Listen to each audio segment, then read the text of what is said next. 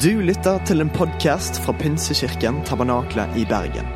Vi tror at kirken skal være en plass hvor mennesker trives gjennom alle livets faser. En kirke for hele livet. Ønsker du å bli bedre kjent med oss eller holde deg oppdatert? Besøk vår Facebook-side eller ptb.no. Her er ukens tale. I dag så har, eh, vi, fortsetter vi eh, kallstanken. Altså Vi snakker om kall i kirka her. Eh, Jeg vet ikke om du var på Radiance. Var det noen som var medarbeidere på Radiance? For De fleste av dere var ikke på Radiance, så jeg skal ikke spørre om det som eh, deltakere. For de fleste av dere er vel over 20. De fleste. Men det som er at vi snakker om at Guds planer kolliderer med våre planer. Og det er det vi snakker om, vi, eller tenker på når vi tenker om kall. Det er når Guds planer kolliderer med våre og leder oss i livet. Og, det, og vi lar det få lov til å lede og være først i livet vårt. Vi skal fortsette å snakke om det, og jeg elska det Benjamin snakka om i dag. Benjamin prekte, Benjamin Jensen, hovedpastor her i kirken, prekte helt gull. Så skal du høre på en podkast, så ville jeg hørt på den. Han snakka om det at vi er frelst, altså vi er redda, men vi er også kalt som etterfølgere av Jesus. Det vil si at vi kan få følge han resten av livet vårt. Vi kan følge etter han. Men det var nydelig. Det var, han var virkelig on fire, så du burde få med deg den, den podkasten. Men talen i dag, som jeg skal kalle for jeg liker å ha en tittel, så jeg har da, taletittelen er 'En helt vanlig dag'.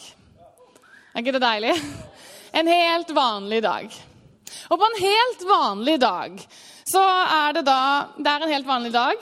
Eh, og det er krig mellom filisterne og Guds folk. Filisterne var motstanderne av Gud. De hørte ikke på Gud, de stolte ikke på Gud. De var de som ikke var Guds folk, og så var det Guds folk som levde nært til Gud. Det var krig mellom de. Det var ikke noe veldig sånn uvanlig. Denne historien kan du lese om i 1. Samuels bok 17. Eh, og jeg vil anbefale deg å lese den sjøl. Vi er en kirke som leser Bibelen, har tro på det. Og du tenker sånn, å krig, flott, en helt vanlig dag krig. Men krig var egentlig ikke så veldig unormalt på den tida. Det var, det var vanlig, egentlig. Det var nesten dessverre litt for vanlig, litt sånn som det er i dag. Litt for vanlig med krig. Så kommer det da en svær mann fram i denne krigen som heter Goliat. Og Goliat er en kjempe. Og jeg har tenkt på at kjemper er sikkert sånn Ja, hvor store er de, da? Liksom sånn, kanskje? Eh, og så søkte jeg litt, da, for dere som er litt sånn nerder, sånn som meg. Det kan hende noen av dere er det. Han er faktisk 3,25 eh, meter. Det er ganske høyt. Denne kjempen er svær, og han stiger fram. Og han har en brynje, altså den, der, den her, tingen her Altså, jeg har ikke vært i militæret, da, vet du. og så visste du at den veide 60 kilo. Altså, Det er bare tungt nok i seg selv. Det sier noe hvor sterk denne mannen var. Og så har han et spyd som, hvor spydspissen alene er på 7 kilo. Altså, jeg hadde vært sånn mm. Altså, Han er svær, han er sterk, og så roper han ut til israelsfolket. Kom og prøv dere! Han har sikkert en veldig mørk stemme. da. Send én, og vinner den, og vinner den over Nei, jeg skal ikke gjøre det. Eh, skal vi være deres slaver? Om vi vinner, skal, vi være deres, skal dere være våre. Når Israelittene ser på denne mannen, og de begynner å miste motet. For han, hvem kan egentlig vinne over denne mannen her? Og i 40 dager og i 40 netter så holder han på og roper ut stygge ting mot israelsfolket og mot Gud. Og på en helt vanlig dag så sier pappaen til David Hei, kan ikke du stikke til brødrene dine som er i denne kampen? Kan ikke du ta med litt rista korn? Puffa ris, tenker jeg der. Eh, ta med noe ost, kanskje mozzarella, og litt sånn godt brød til gjengen, sånn at de kan få litt mat. Kan du se hvordan det går med gjengen? Kan du se hvordan det går med brødrene dine? Og så står det det at David stikker bort, og han springer faktisk bort. Han er sånn lett på tå. Jeg vet ikke. For når jeg var liten, så syntes jeg det var lettere å springe enn å gå. Det syns jeg ikke nå lenger. Så det sier litt om hvor ung han her var. Og da skjedde det. Goliat sier igjen, 'Kom, prøv dere! Kom, ta meg!'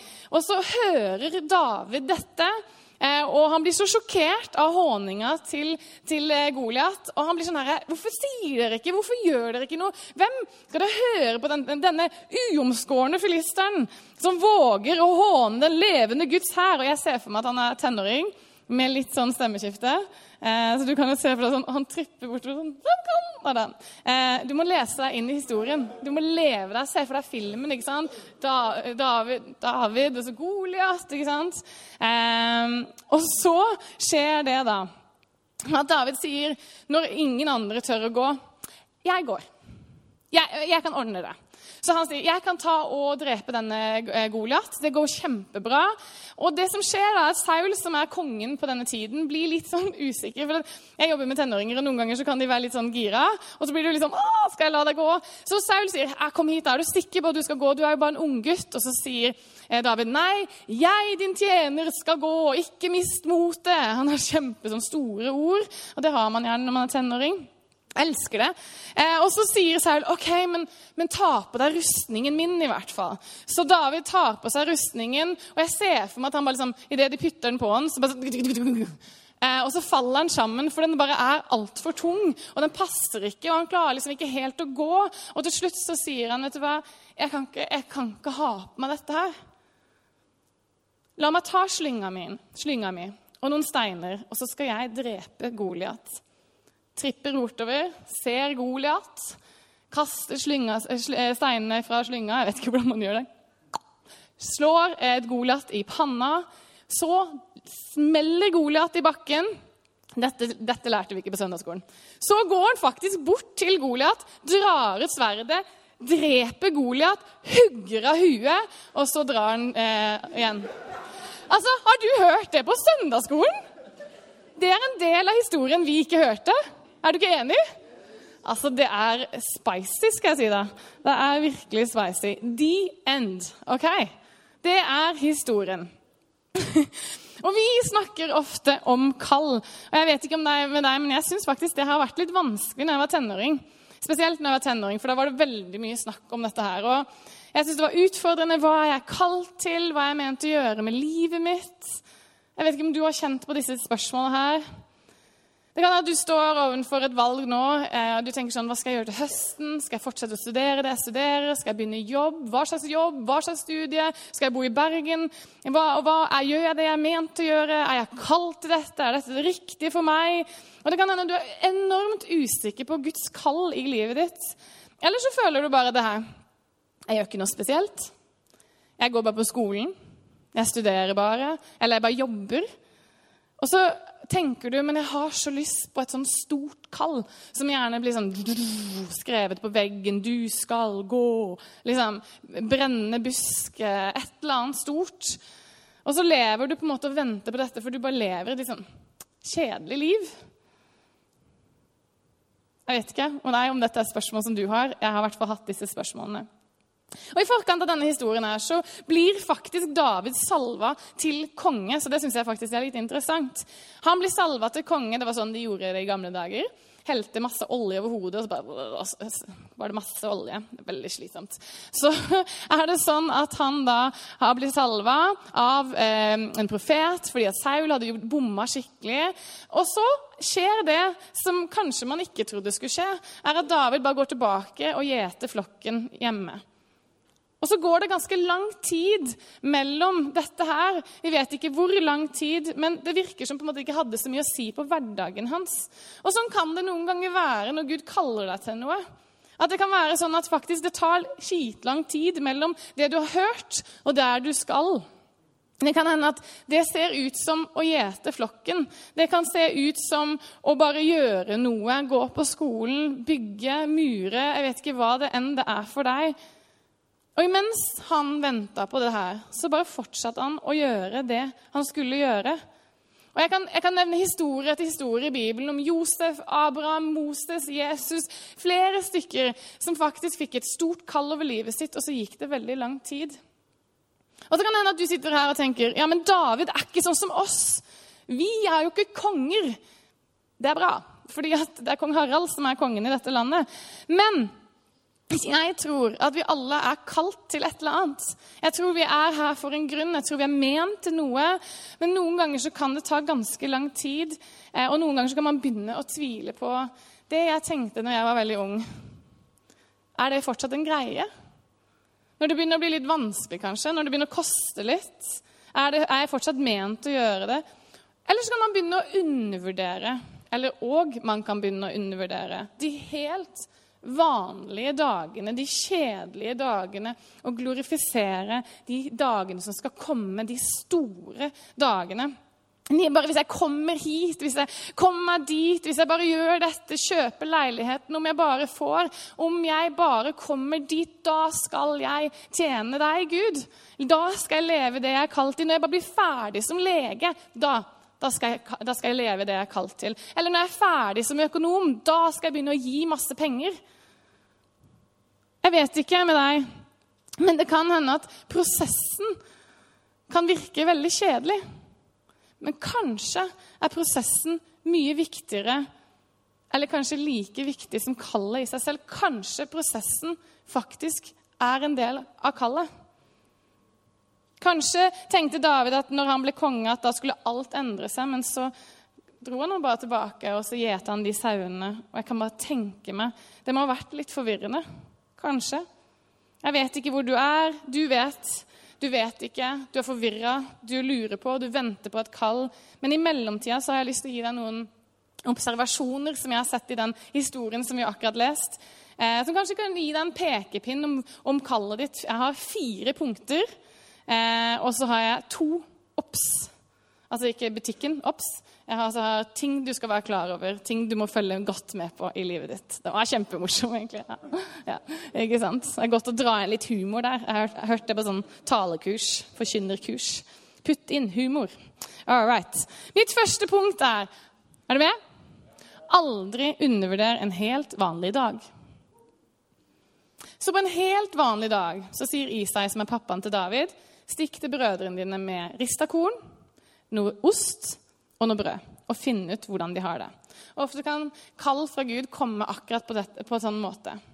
At det er, um, det er de helt vanlige dagene at de store tingene skjer. For På morgenen så kan det hende at du ikke tenker noe stort, og på kvelden så kan det hende det har skjedd noe stort. Du aner faktisk ikke hva, hvordan en dag kan være.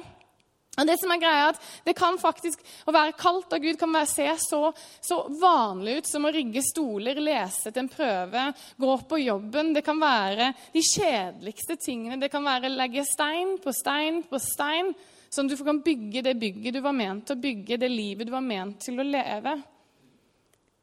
I en hverdag så ligger det potensialet til noe stort. Og vi glemmer det, for vi er opptatt av de store tingene men vi vet at et bygg bygger seg ikke selv. Det må bygges stein for stein. Fra en dag til en annen så kan livet se totalt forskjellig ut. Vi vet om alle disse YouTube-sensasjonene som fra en dag til en annen bare plutselig gikk fra å være ukjent til å bli kjempekjent. Eller så har vi historiebøkene fulle av historier som Rosa Parks, som valgte å sitte når hun, ble bedt om å reise seg på den bussen. Og så spurte de hvorfor reiste du ikke akkurat den dagen. Hvorfor valgte du å bli sittende akkurat den dagen? Var det noe spesielt med den dagen? Og så sier hun nei, det var bare en helt vanlig dag, men jeg var veldig sliten. Og denne dagen så orka jeg bare ikke mer. Hun var frustrert, og hun var lei, og det var det som gjorde at hun fortsatte å bare bli sittende. Det var en helt vanlig dag, men det hadde potensial til å endre historien. Mitt andre punkt er hva frustrerer deg? For det som frustrerte Rosa, var det at hun måtte reise seg. David kommer frem til brødrene på en helt vanlig dag. Og Så hører han Goliat snakke skikkelig mye dårlig om folket sitt, om Gud. Og det bare, Han nekter det. Det gjør han så sint. Han bare 'Det her gidder faktisk ikke jeg mer.' 'Jeg nekter å gå god for dette her. Skal ikke dere gjøre noe?' Han ser og hører noe som strider imot det som han tenker er rett. Og lurer du på hva du er kalt til? Hva frustrerer deg? Hva gjør deg skikkelig opprørt? Hva synes du er skikkelig urettferdig? For i dette, i frustrasjonen din, så kan du ofte finne kallet ditt. Eller det kan peke deg i riktig retning. For det som frustrerer deg, kan kanskje være noe som du ser, som du var ment til å se. Noe som du tenker er en Goliat, en kjempe, noe som noen må ta tak i, noe som noen må gjøre noe, uh, gjøre noe, med. Kanskje er det mobbing, kanskje er det baksnakking på jobben, kanskje er det så enkelt som det. Kanskje så er det at du skal skape noe nytt, kanskje fordi at det er noe som frustrerer deg, fordi at du ser at det funker ikke sånn som det er. Så hvorfor skal ikke du gjøre noe med det? Jeg tror frustrasjonen din er noe av det viktigste faktisk, når du skal finne kallet ditt. Hva er, det, på, hva er det som gjør at jeg kjenner på kallet mitt? Jo, det frustrerer meg at tenåringer ikke vet hvem Jesus er. Det frustrerer meg at de roter seg bort inn i alt mulig og ikke vet at de er elska og ønska av Gud. Det frustrerer meg skikkelig. Og i det finner jeg mitt kall. Og så vil kall se forskjellig ut gjennom tidene, men det er noe av det jeg er kalt til akkurat nå. Mitt første obs er motstand, hvis du vil skrive det ned. Vi leser i vers 28 noe utrolig interessant. Jeg skal lese det for deg. Elia, broren til David, han eldste broren, sier hørte hva David hadde snakket med mennene om, og han ble sint på David og sa, 'Hvorfor er du kommet hit ned?' Hvem har, gjete, hvem har, du fått til å gjete denne lille saueflokken ute i ørkenen? Jeg vet hvor frekk og ond du er. Du har bare kommet hit ned for å se på slaget. Så sier David det her. Jeg elsker det. Hva galt har jeg nå gjort? svarte David. Jeg spurte jo bare! Det er så deilig. Jeg synes ikke Bibelen er litt sånn deilig sånn. Og Så vendte han seg bort fra broren og gjentok spørsmålet for en annen gang. Og folket ga ham det samme svaret som første gang. Og jeg bare ser for meg sånn Hva galt har jeg gjort? liksom? Og så bare ser for meg hele liksom, Han bare Jeg bare kom ned her. Men det som er greia, er at David så bare på noe som var vanlig. For det var en helt vanlig dag. Det var ikke noe uvanlig, egentlig. Og Ofte så kan det være sånn at de som står deg nærmest, er de som kanskje ikke ser det som er i det. Og Det er ikke fordi det er ondsinnet, det er ikke fordi de ikke ønsker det. Men det er bare fordi at kanskje så, så, så bare er de så vant til og det er nesten så Du blir sånn snøblind når du har vært i snø ganske lenge. Det er litt på samme måte at du, du ser ikke potensialet. Du er jo bare en søster, en bror. Kan du gjøre det her? Her ligger dette i deg. Og mange ganger så ligger potensialet i oss ganske dypt nede hvis ikke det har fått lov til å, lov til å virkelig vokse. Og da kan det hende at Gud ser noe i deg som du må la noen andre få lov til å grave fram. Kanskje noen som ikke er din mamma eller pappa eller din eh, bror eller søster eller noen av vennene dine. Kanskje så trenger du noen som ser potensialet i deg, og ikke, ikke ser det. Så motstand er ikke, ofte, er, er ikke alltid bare noe som, som er liksom sånn der, noen som slår deg, liksom. Men det kan være faktisk at noen bare ikke tror på det som ligger i deg, for de har aldri sett det før. Og mange av de tingene du har tenkt å gjøre med livet ditt, jo folk, har jo aldri folk sett før. For det er du som skal gjøre det. Det er helt nytt. Er det rart at folk ikke ser det da? Men når du bruker det som Gud gir deg, det lille frøet av noe, så kan det faktisk få lov til å bli noe stort. Vi vet faktisk ikke hva, hva det kan bli når Gud får lov til å bruke det. Han er ekstremt god på å få frem noe av det beste i oss. Han kjenner oss, vet du. Han er ikke snøblind på potensialet i våre liv. Mitt neste punkt er, mitt tredje punkt er villighet. David ser noe som frustrerer han, og istedenfor å si ah, 'Goliat er kjempestor. Ta han!' og så gå, så sier han din tjener ikke Jeg synes han er bare så flott. Din tjener skal gjøre dette, liksom. Bare sånn, Lille gutten sånn 'Jeg kan ta det!' Og så sier han 'Jeg skal ta det. Jeg er villig til å gjøre noe med det.' Ikke mist motet! Ikke mist motet, alle dere. Jeg tar det, jeg ordner det. Altså, Du må bare se det som en film. ikke sant? Det er jo bare helt vanvittig. Din tjener på liksom, sikkert 1,50 skal gå mot denne på 3,25 meter. Det går bra. Altså, Brynja er sikkert dobbelt så tung som det han var. på en måte. Han var ikke 30 kilo, da. Håper virkelig ikke. Hvordan vet du hva du er kalt til? Hva ser du? Og er du villig til å gjøre noe med det? er egentlig det som er spørsmålet. Ser du noe som frustrerer deg, og er du villig til å gjøre noe med det? For det som gjorde at en helt vanlig dag ble helt historisk, var pga. at David var villig til å gjøre noe med det han så. Noe av frustrasjonen sin. Ofte finner du kallet ditt i villighet. Og Mange ganger så tenker vi sånn ja, men Hvis noen spør meg til å preke på plattforma eller til å bli lege altså Jeg ville ikke hatt en lege som ikke var ferdig utdanna uansett. Men vi tenker ofte at vi skal hit med en gang, istedenfor å være villig til å rigge stolene, til å stå i døra, til å lese på prøven, til å jobbe på sykehjemmet selv om du skal bli lege. Mange ganger så tenker vi at vi vil hit, men vi er ikke villige til å gå prosessen. I prosessen lærer du noe som vil gjøre at du kan stå i det du er kalt til å gjøre. Jeg utfordrer deg til å være villig i de små tinga, ta steg for steg sammen med han. Obs nummer to. Sauls sin rustning. For det som skjer, er at David frimodig sier 'Jeg ordner dette'. Og Saul tenker mm, du er bare en unggutt, og du skal bli konge. Jeg vet ikke om jeg har lyst til at du skal dø før du har blitt konge. Eh, så han prøver rett og slett å fraråde David fra å gjøre dette. Men David er sta, så han sier nei, det skal jeg ordne. For David, Saul sier sånn, du kan ikke gå mot den filisteren. Og så sier han jo da, det kan jeg gjøre. Eh, og så sier han ok, men la meg gi deg i hvert fall en rustning, sånn at du kan være liksom, rusta for kamp. Og så tar han på seg denne rustningen, så passer han ikke.